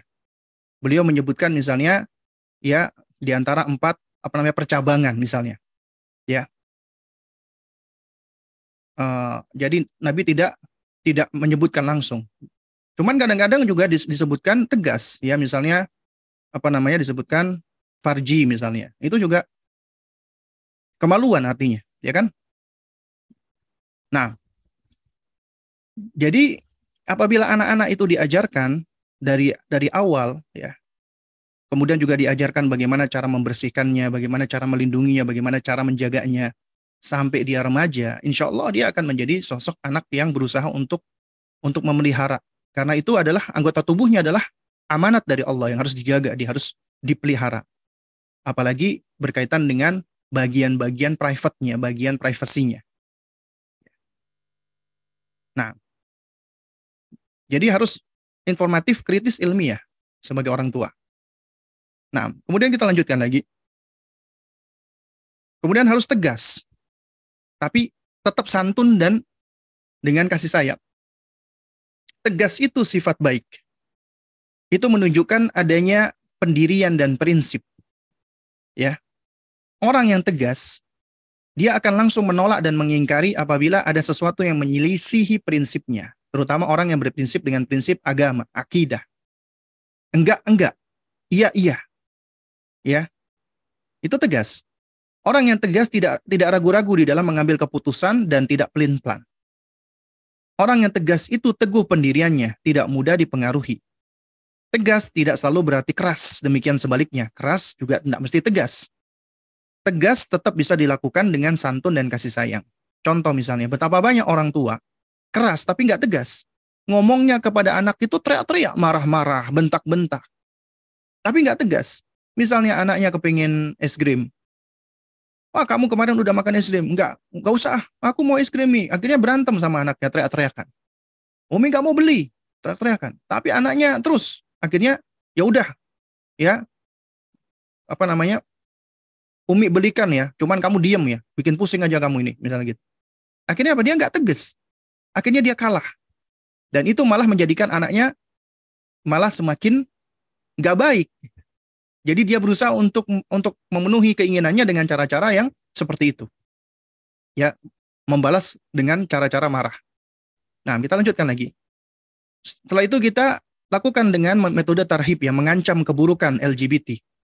Jelaskan kepada mereka, zina haram, ada ancamannya, apalagi LGBT. Nah, di antara ancaman LGBT Allah akan turunkan azab di balik bumi kemudian dihujani batu sebagaimana kaumnya Nabi Lut alaihissalam. Allah sebutkan dalam surat Hud ya falamma jaa amruna ja'alna ya aliyaha safilaha. Maka tatkala datang azab kami kami jadikan negerinya kaum Sodom kaum Lut itu yang atas dibalik menjadi bawah. Wa amtarna 'alaiha hijaratan min sijil mandud ya dan kami hujani mereka dengan batu dari tanah yang terbakar dengan bertubi-tubi waliyadzubillah. Kemudian akan dibutakan mata-mata mereka sebagaimana firman Allah walaqad rawaduhu an dhaifihi fatamasna a'yunahum fadhuku adabi wa nudhur. Sesungguhnya mereka telah membujuknya agar menyerahkan tamunya Lut ya ketika datang malaikat ya. Uh, kemudian mereka ingin ingin apa? Ingin menggoda maka Allah butahkan mata mereka dan rasakanlah azab Allah dengan ancaman-ancamannya. Kemudian juga di antaranya diazab dengan suara yang keras sampai mereka itu binasa. Sebagaimana firman Allah Subhanahu wa taala, "Fa'akhadhathum as-sayhatu musyrikin." Mereka dibinasakan oleh suara keras yang mengguntur ketika matahari akan terbit. Yang lebih ngeri lagi dilaknat oleh Allah. La'anallahu man 'amila 'amala qaumil ya, lutin Allah laknat orang-orang yang melakukan perbuatan kaum Lut, yaitu perbuatan homoseksual. Kemudian, ya, di dalam Islam mereka diancam dengan hukuman bunuh. Ya, hukuman dibunuh. Ya, tentunya bukan kita yang bunuh ya, tapi penguasa, pemerintah. Apabila mereka menerapkan hukum Islam. Karena kata Nabi SAW, Man wajadtumuhu ya'malu amala qaumi lutin faqtulu al-fa'ila wal maf'ula bih siapa yang menjumpai orang yang melakukan perbuatan homoseksual seperti kaumnya Nabi Lut, maka bunuhlah pelaku dan objeknya. Ya. Jadi yang melakukan dan yang dilakukan. Asalkan kedua-duanya sama-sama ridho. Nah, tapi kalau yang yang yang di apa yang di yang dijadikan objek itu misalnya adalah orang yang diperkosa, ya, maka tentunya tidak tidak sama hukumannya karena mereka korban. Ya. Nah, kemudian baru sanksi. Ya, ada sanksi bagi para pelaku liwat atau gay atau lesbian. Apa sanksinya? Ulama sepakat hukumannya bunuh, tapi berbeda pendapat tentang caranya. Ada yang berpendapat dirajam seperti pelaku zina, atau ada yang berpendapat dilempar dari bukit atau gedung yang tinggi, ada yang berpendapat dibakar, ada yang berpendapat digantung atau ditembak. Ya. Adapun pelaku sihak, lesbian adalah ditakzir dengan cambukan. Memang untuk wanita ternyata hukumannya lebih ringan daripada laki-laki yang gay. Ya, tapi bukan artinya ringan atau enteng, ya. Nah, semua bentuk hukuman had, kisos, takzir ini dilakukan penguasa bukan individu. Tapi kita perlu terangkan ini hukum-hukum ini kepada anak-anak kita agar mereka tahu. Ya. Nah, kemudian ingat semua penyakit ada obatnya. Dan ini disorientasi seksual kaum LGBT itu juga penyakit. Allah Subhanahu wa taala Ya, maksud saya Rasulullah Shallallahu Alaihi Wasallam itu bersabda, Inna lam yanzil da'an illa wa anzala ya wa anzala lahu shifaan. Alimahu man alimahu wa jahilahu man jahilahu. Tidaklah Allah menurunkan penyakit kecuali Allah jadikan obat, ada obatnya. Nah, maka orang yang tahu dia mengetahui dan orang yang bodoh nggak tahu maka dia tidak mengetahuinya. Artinya semua ada obatnya, termasuk LGBT. Bagaimana cara menanggulangi LGBT? Pertama tentunya kaidahnya adalah ya ya preventif. Preventif lebih didahulukan. Ya. Ya, ini yang paling utama. Itu kita menutup pintu keburukan setan, menundukkan pandangan, menyibukkan hati dengan yang bermanfaat, mendidik anak dari usia dininya sesuai dengan fitrahnya. Nah, kemudian apabila mereka terjangkit, baru kita lakukan kuratif treatment, pengobatan. Bagaimana pengobatannya? Taubatan nasuhah. Ya. Kita hasung mereka untuk bertaubat kepada Allah. Kemudian yang kedua, mereka melakukan konseling dengan orang-orang yang ahli. Orang-orang yang pakar. Tapi syaratnya dua, orang yang pakar ini. Pertama, mereka memang orang yang memiliki ilmu keilmuan, otoritatif di dalam keilmuannya. Yang kedua, orangnya kredibel, thiqah. Artinya apabila ada orang yang dikatakan otoritatif tapi tidak kredibel, malah dia meng, apa malah dia menganjurkan LGBT, maka ini berbahaya. Atau orangnya kredibel tapi ternyata tidak memiliki keilmuan, tidak memiliki otoritatif di dalam keilmuannya. Maka ini juga bisa bisa bisa nggak baik ya membahayakan. Jadi cari ya apa konselor yang yang itu tadi yang otoritatif dan kredibel. Kemudian yang berikutnya menikah. Ya, karena dengan insya Allah dengan menikah itu ya uh, dengan izin Allah apabila ditegakkan di atas uh, keikhlasan karena Allah dan juga menjalankan sunnah Nabi, maka itu juga bisa menjadi obat. Kemudian menyibukkan dengan ilmu, dengan belajar, aktivitas yang bermanfaat. Kemudian juga bersahabat dengan orang-orang baik dan menjauhi pergaulan-pergaulan yang jelek. Ya. Baik. Jadi inilah poin-poin ya yang berkaitan dengan bagaimana kita menjaga fitrah anak-anak dari LGBT. Nah, karena ini sudah pukul 11 ya, dan mohon maaf ya, uh, agak panjang ya Berikutnya mungkin ada pertanyaan, silakan. Nah ini sudah sudah ada pertanyaan ya yang masuk. Uh, sebentar. Baru saja kemarin anak lelaki saya usia 8 tahun cerita saat dia sedang melakukan gerakan lompat saat berjalan melintasi ruang kelas. Ada celutukan kakak kelasnya yang didengar anak saya. Ih, dia kayak banci tuh loncatnya. Pertanyaan saya bagaimana kita ortu memberikan pijakan untuk Ananda dalam menghadapi situasi tersebut Ustaz? Jazakallah khairan. Nah, jadi yang pertama ya, ketika kita sebagai orang tua mendidik anak kita sesuai dengan gendernya, sesuai dengan kodratnya, sesuai dengan fitrahnya, maka kita nggak usah khawatir. Ya. Itu yang dilakukan oleh kakak kelas ini bullying. Ya ini termasuk bullying. Bullying itu apabila hanya verbal, maka kita nggak perlu terlalu mengkhawatirkan. Ya, asalkan kita terus mendidik anak kita ya menjadi sosok yang kuat. Jadi kita didik dia ya dengan pondasi-pondasi dengan keimanan sehingga dia tidak menjadi people apa namanya pleaser, jadi dia tidaklah menjadi uh, anak yang mudah dipengaruhi dengan ucapan orang lain ya artinya dia adalah sosok yang mengenali dirinya, tentunya ini nggak lepas dari kita peran kita sebagai orang tua yang kita menunjukkan kasih sayang, penghargaan, pengakuan, maka dia juga akan akan menghargai dirinya, mengakui dirinya. Dirinya adalah punya value, punya nilai. Dan kita ajarkan bahwasanya nilai dirinya itu bukan dilihat dari ucapan orang lain, tapi adalah dilihat dari pandangan Allah. Selama kamu nak senantiasa berusaha untuk menaati Allah, kamu senantiasa berusaha untuk terus melakukan sesuatu karena Allah, ya insya Allah Allah akan berikan kemudahan-kemudahan dan kamu akan menjadi orang yang mulia di sisi Allah. Karena itu nggak usah mengkhawatirkan ucapan-ucapan orang lain. Itu di antara pijakan-pijakan yang kita harus tumbuhkan kepada anak kita agar mereka kuat di dalam menghadapi bullying lisan, verbal. Adapun bullying secara fisik, maka tentunya berbeda lagi. Kita harus mengajarkan anak kita untuk bisa membela dirinya, ya, untuk bisa membalas bukan membalas berarti kita mengajarkan apa namanya kekerasan. Tidak membalas berarti bagian dari self defense sebagai pembelaan diri karena dia punya hak yang harus dia jaga. Ya. Nah tapi yang lebih utama adalah ya menghindarkan cara-cara apa kekerasan. Misalnya dinasehati. Ketika dia dipukul dia bisa menghindar.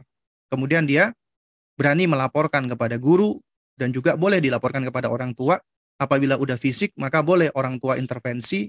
Intervensinya adalah untuk mendidik anak-anak yang berbuat bullying secara fisik tadi. Karena bullying secara fisik itu penanganannya nggak sama dengan bullying secara verbal atau lisan. Nah, terus kemudian yang kedua, ketika misalnya anak kita dikatakan ah loncatnya banci, loncatnya kayak perempuan, kayak cewek ya. Nah, itu sebenarnya juga kurang lebih hampir sama. Ya, ketika kita didik dia sesuai dengan kodratnya sebagai laki-laki, ya maka ketika dia merasa sedih misalnya, dia pulang, Umi aku di, dikatakan banci, maka kita katakan, enggak nak, kamu itu anak Umi, anak laki-laki Umi yang hebat, Masya Allah, Allah yang memberikan kamu kehebatan. Kamu adalah anak laki-laki yang pemberani, kamu adalah anak laki-laki. Ya kita berikan ucapan-ucapan positif pada anak kita tersebut. Ya, dan kemudian kita jelaskan, kamu tahu nggak yang namanya banci itu seperti apa? Ketika seperti perempuan bukan artinya apa perempuan itu rendah enggak. Maksudnya laki-laki nggak boleh. Itu itu apa namanya berperilaku seperti perempuan. Sebagaimana perempuan nggak boleh berperilaku seperti laki-laki. Allah ciptakan kita berbeda nak gitu loh. Nah ketika dia mengatakan kamu loncatnya seperti banci dan lain sebagainya ya kan? Padahal kamu enggak ya berarti yang pertama dia berbohong. Yang kedua bisa jadi dia iri sama kamu. Yang ketiga ya apa namanya dia sebenarnya apa namanya perhatian sama kamu. Yang keempat, kamu gak usah hiraukan. Kalau kamu hiraukan, dia malah semakin senang. Intinya kita sampaikan aja terus seperti itu. Ya. Karena apa? Karena perkataan orang lain terhadap diri kita itu nggak nggak penting. Ajarkan itu mulai dari semenjak kecil. Ya. Bahwasanya kita ini tidak dibentuk oleh perkataan orang lain. Nah, dengan demikian juga jangan sampai kita mendidik anak kita itu ya sangat dipengaruhi oleh perkataan orang lain. Misalnya seorang ibu yang mengatakan kamu malu-maluin aja, ibu malu tuh sama gurumu, ibu malu sama temanmu. Nah ini suatu cara mendidik yang keliru. Ya, kalau misalnya kita ingin menasehati anak yang keliru, jangan mempergunakan kata-kata apa komparasi seperti itu yang membuat umi malu dengan orang lain. Enggak. Ya, jadi caranya harus dengan cara yang baik. Caranya cara yang korektif, mengoreksi anak. Nah, yang kamu lakukan itu salah nak. Nggak benar. Ya. Itu cara yang tidak yang yang tidak benar. Ya. Kalau memang apa yang dilakukan nggak benar ya. Nah kalau itu berupa keburukan ya harus kita kita ingkari. Allah nggak suka cara seperti itu. Ya Rasulullah juga sama nggak suka. Umi akhirnya juga nggak suka. Dan orang-orang juga sebenarnya tidak tidak suka. Kenapa nggak sukanya? Karena memang itu perbuatan yang dibenci Allah gitu loh. Jadi kaitannya adalah apa kepada Allah Nah, berapa usia yang tepat memasukkan anak ke pondok? Apakah jenjang SMP sudah ideal? Karena usia tersebut uh, beberapa anak belum baru usia balik maraknya LGBT bahkan terjadi pondok-pondok dan pelakunya tidak jarang dari pihak internal sendiri. Hal ini membuat keraguan. Apakah yang terbaik memasukkan anak ke pondok atau sekolah full day supaya tet bisa tetap bersama orang tua? Mohon masukannya Ustadz. Sebenarnya usia yang tepat bagi anak-anak untuk ke pondok adalah ketika anak itu sudah ready, udah udah siap. Ya, kalau kita lihat usia sebenarnya ketika mereka sudah memiliki kemandirian. Ya, biasanya ketika sudah balik. Tapi ternyata ketika sudah balik pun itu juga banyak anak-anak yang belum ready, belum siap. Jadi dalam hal ini ada dua faktor. Pertama faktor usia ketika dia sudah balik. Yang kedua, faktor bagaimana kita mempersiapkan anak kita agar mereka siap untuk masuk ke pondok. Berarti harus sudah kita sounding sebelumnya. Kemudian juga perlu dibedakan antara anak laki-laki dan anak perempuan. Anak laki-laki itu memang lebih dianjurkan mereka untuk dipondokkan. Ya, mereka belajar di luar kota, mereka belajar di ma'had, belajar di pondok. Untuk apa? Untuk melatih kemandirian mereka. Anak perempuan lebih baik bersama dengan orang tuanya. Ya. Adapun yang berkaitan dengan masalah adanya uh, fenomena LGBT, ya ini memang ada, kita nggak pungkiri, ya. Tapi tidak semua pondok seperti ini. Karena itu makanya kita tetap harus berhusnudon. Yang kedua, kita tetap harus menjalin komunikasi yang baik dengan pondok. Yang ketiga, sebelumnya kita juga harus survei, cari-cari informasi dulu dari sekolah, dari orang tua yang ada. Dan kemudian yang keempat, ini yang paling mendasar lagi, kita juga harus sudah mempersiapkan anak kita benteng imunitas agar ketika memang terjadi mereka bisa terhindar dari ya dari kejahatan atau keburukan LGBT tersebut. Nah, Bagaimana menjaga diri kita dari syubhat? Seperti contohnya ketika diskusi dengan salah seorang teman yang akidahnya berbeda Ustaz, terdapat syubhat dari apa yang disampaikan, sampai dada terasa deg-degan dan takut Ustaz. Apakah itu adalah rasa takut akan syubhat Ustadz dan kita yang mendengarkan diskusi tersebut hanya diam sambil mengamati apa yang disampaikan? Jika teruskan diskusi seperti itu, apakah syubhat bisa masuk ke dalam hati kita? Ustadz, iya bisa. Ya, jadi apabila kita berdiskusi dengan orang, sementara kita belum punya basicnya, belum punya apa namanya, belum punya ilmunya, dan kemudian yang disampaikan itu uh, seakan-akan kelihatan ilmiah tapi sebenarnya tidak, ya itu akan mudah sekali bagi kita untuk bisa termakan dengan syubhat. Makanya para ulama salaf dahulu mereka dalam rangka untuk menjaga umat dari bahaya eh, syubhat-syubhat berupa bid'ah dan yang semisalnya, ya terutama dari kelompok-kelompok sesat, mereka tuh sampai ya mengajarkan cara-cara yang mungkin menurut kita tampak ekstrim seperti menutup telinga, menjauhi dan semisalnya. Itu dalam rangka apa? Agar menjauh ya dari syubhat. Karena itu sangat berbahaya. Ya syubhat itu menyambar-nyambar. Karenanya ya daripada kita berdiskusi berdialog uh, sementara kita belum punya ilmunya, kita lebih baik sibukkan dengan belajar, dengan menuntut ilmu. Karena memang sangat berbahaya sekali ya orang-orang yang nggak punya ilmu. Misalnya dia dia duduk dengan orang-orang yang punya syubhat luar biasa, ya. Bahkan orang ateis saja juga juga punya syubhat. Ya bagi orang-orang yang nggak punya ilmunya itu juga mudah sekali untuk termakan Apalagi apabila mereka itu punya dalih dalam bentuk dalil. Dalilnya Al-Quran dan Sunnah. Tapi ternyata mereka memahami seenaknya sendiri. Kemudian dikemas dengan cara penyampaian yang tampak ilmiah. Padahal sebenarnya penuh dengan dengan apa? Dengan uh, apa kedustaan. Ya. Penuh dengan cara-cara manipulasi. Karena itu makanya harus berhati-hati. Paman saya berusia 70 tahun. Ketika muda, beliau kerja di US. Sepulang dari US, beliau menjadi gay. Waliyahzubillah. Tidak pernah menikah dan selalu membawa pacar laki-laki yang dikenalkan sebagai sahabat. Namun demikian, namun demikian keluarga tidak tegas dan bersikap seolah-olah tidak ada apa-apa. Ini adalah kesalahan keluarga kami. Kami hanya berusaha menjodohkan dengan wanita namun tidak mengobati beliau secara tegas dengan agama. Sehingga beliau beliau hingga saat ini tidak menikah dan saat ini sudah stroke. Kondisi kesehatan semakin parah. Apa yang harus kami lakukan sekarang? Kadang-kadang anak kami bertanya mengapa kakeknya tidak menikah. Haruskah kami menjelaskan mohon pendapat Ustadz bagaimana akhlak yang baik dalam memahami pesalah, apa permasalahan ini. Nah, jadi sebenarnya ya jika itu adalah suatu hal yang masih tertutupi ya dari dari apa dari banyak orang ya termasuk anak-anak kita atau cucu-cucunya maka ya ini adalah bagian dari aib yang hendaknya ditutupi tidak usah diceritakan ya tidak perlu di apa namanya ceritakan Nah, adapun berkaitan dengan si kakek tersebut, ya terus kita nasihati, kita doakan semoga Allah memberikan hidayah, ya, dan uh, apa namanya kita cari waktu-waktu mustajabah agar Allah memberikan hidayah dan taufiknya. Terus kemudian uh, jika itu adalah memang sudah tampak, kelihatan dan berbahaya dan diketahui oleh anak-anak kita atau cucu-cucunya, ya maka kita harus jelaskan apa adanya. Menjelaskan dalam rangka untuk membenci perbuatan tersebut sembari kita mengajarkan merasa kasihan dengan pelakunya. Ya. Kita merasa kasihan dan kita ajak mereka untuk untuk mendoakan gitu. Ya, sembari kita ajarkan itu perbuatan yang keji, perbuatan yang jelek, perbuatan yang buruk, ya. Perbuatan yang dibenci Allah, yang dilaknat Allah sebagaimana tadi yang yang diterangkan, ya. Jadi jangan sampai lantaran karena untuk menjaga kehormatan keluarga ya padahal udah jelas itu perbuatan yang dilakukan adalah perbuatan keji. Ya lalu kemudian kita diamkan atau kita biarkan atau kita tutup-tutupi sedangkan kenyataannya itu sudah ketahuan kelihatan maka ini berbahaya.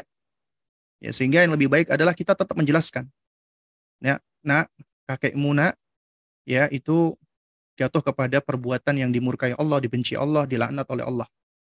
Kasihan ya beliau uh, apa namanya uh, ketika melakukan itu ya dikarenakan itu tadi dikarenakan di antaranya memang hidayah masih belum sampai. Makanya kita doakan semoga Allah memberikan hidayah ya. nah bagaimana cara kita untuk dapat menghindari anak-anak kita dari perbuatan zina Ustadz sedangkan di zaman sekarang perbuatan tersebut sudah seperti umum dan diwajarkan di masyarakat khawatir sudah se seperti su sudah diberi pendidikan agama baik di rumah tapi tercemar di lingkungan luar ya ini sebagaimana tadi yang sudah diterangkan yaitu kuncinya adalah pendidikan iman pendidikan tauhid pendidikan akidah yaitu anak itu dikuatkan koneksinya dengan penciptanya dengan Allah. Apabila anak itu kuat koneksinya, diajarkan tauhid ya yang benar. Ya, ini tentunya juga ada proses-prosesnya ya. Uh, jadi mungkin bisa melihat di apa di kajian-kajian yang lain yaitu bagaimana mengajarkan anak untuk mencintai Allah. Diawali dengan pengenalan kepada Allah. Itu adalah kunci mendasar yang akan membangun imunitas anak. Karena di antara yang Allah jadikan potret atau figur contoh kita di dalam mendidik anak Luqman alaihissalam itu sudah memberikan cara-cara kita membangun imunitas anak dari berbagai macam keburukan. Pertama tauhid di dalam nasihatnya, ya bunayya la tusyrik billah inna syirka la dzulmun adzim. Yang kedua muraqabatullah.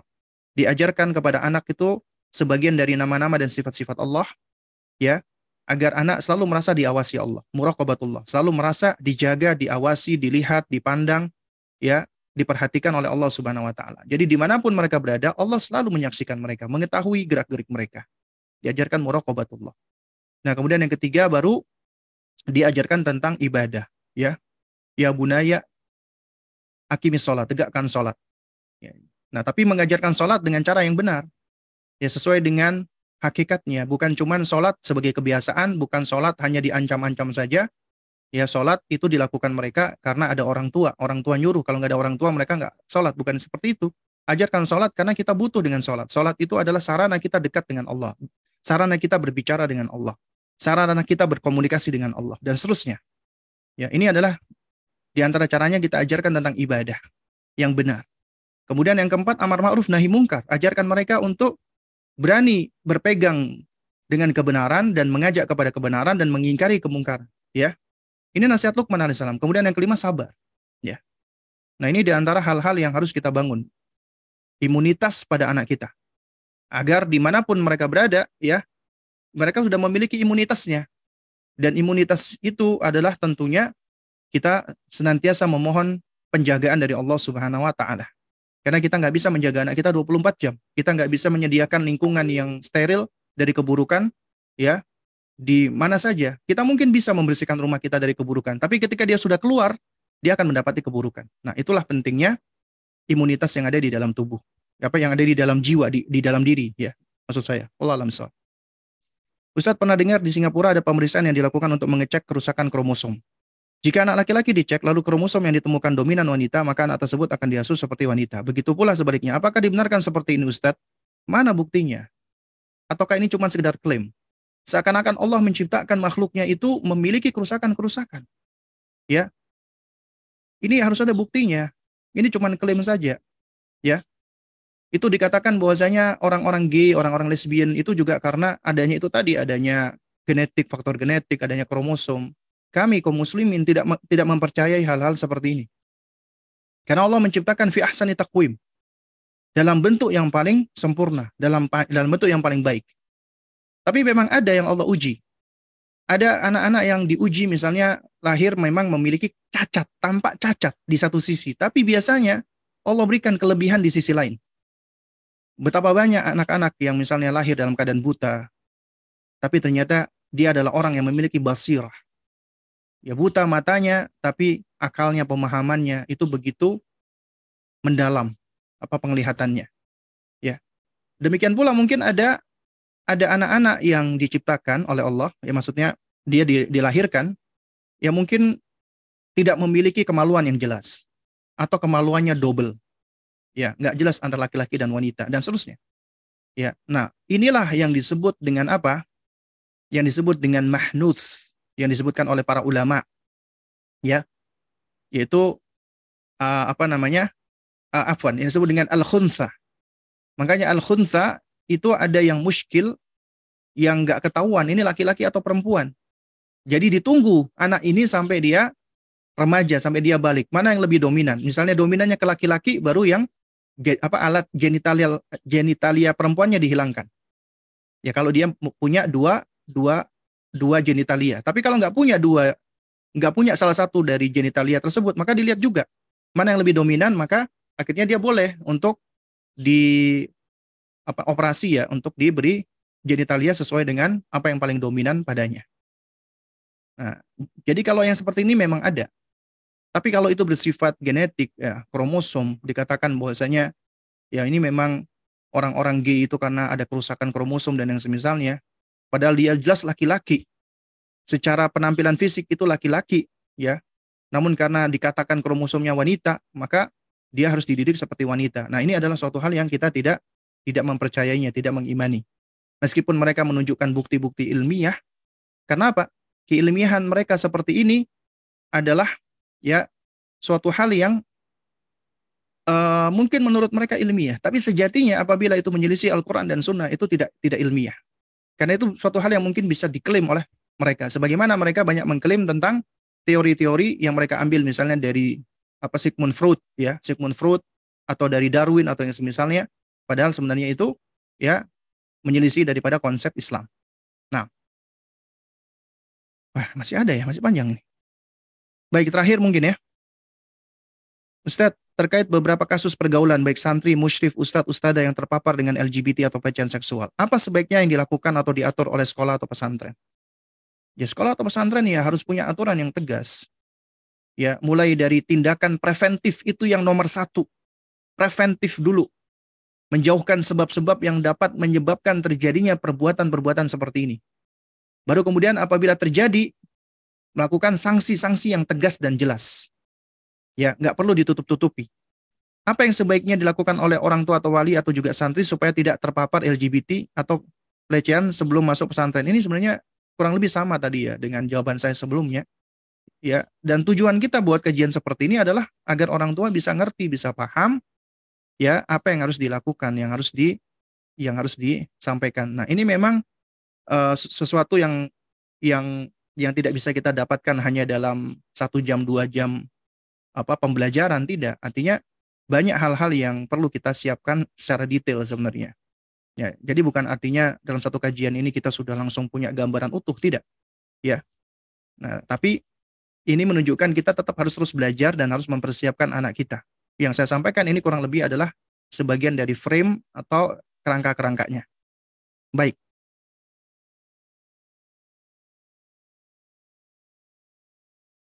Ini mungkin yang terakhir lagi nih ya, karena kok kayaknya penting nih. Bagaimana kita harus bersikap sebagai orang tua?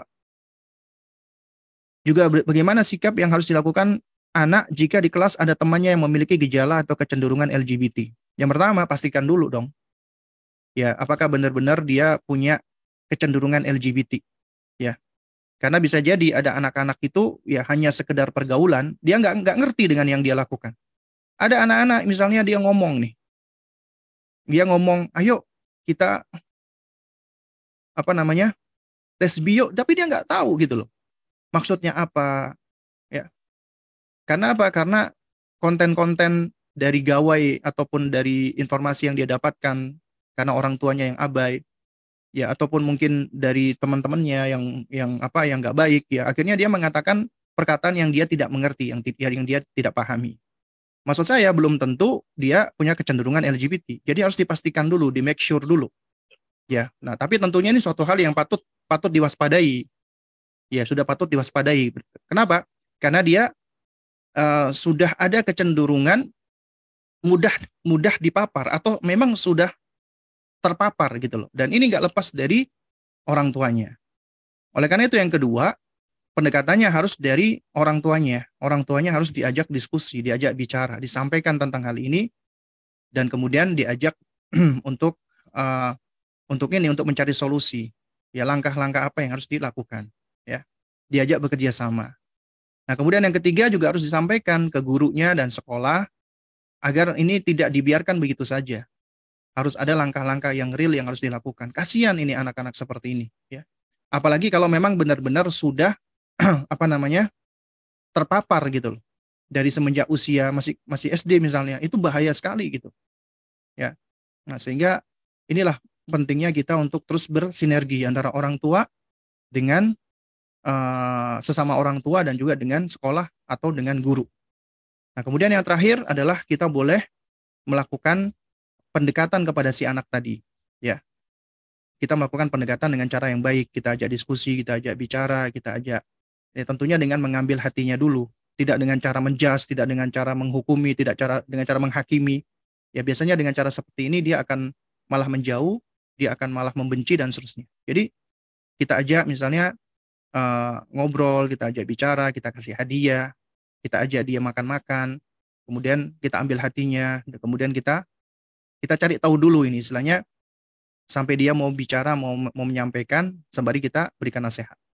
Itu di antara cara-cara. Wallah alam. Mungkin yang, dapat saya sampaikan, kurang lebihnya saya mohon maaf apabila ada hal-hal yang kurang berkenan. Yang hak datangnya dari Allah, yang batil datangnya dari diri saya pribadi. Subhanakallahumma wa bihamdik. Asyadu an la ilaha illa anta astaghfiruka wa atubu ilaik. Wassalamualaikum warahmatullahi wabarakatuh. Waalaikumsalam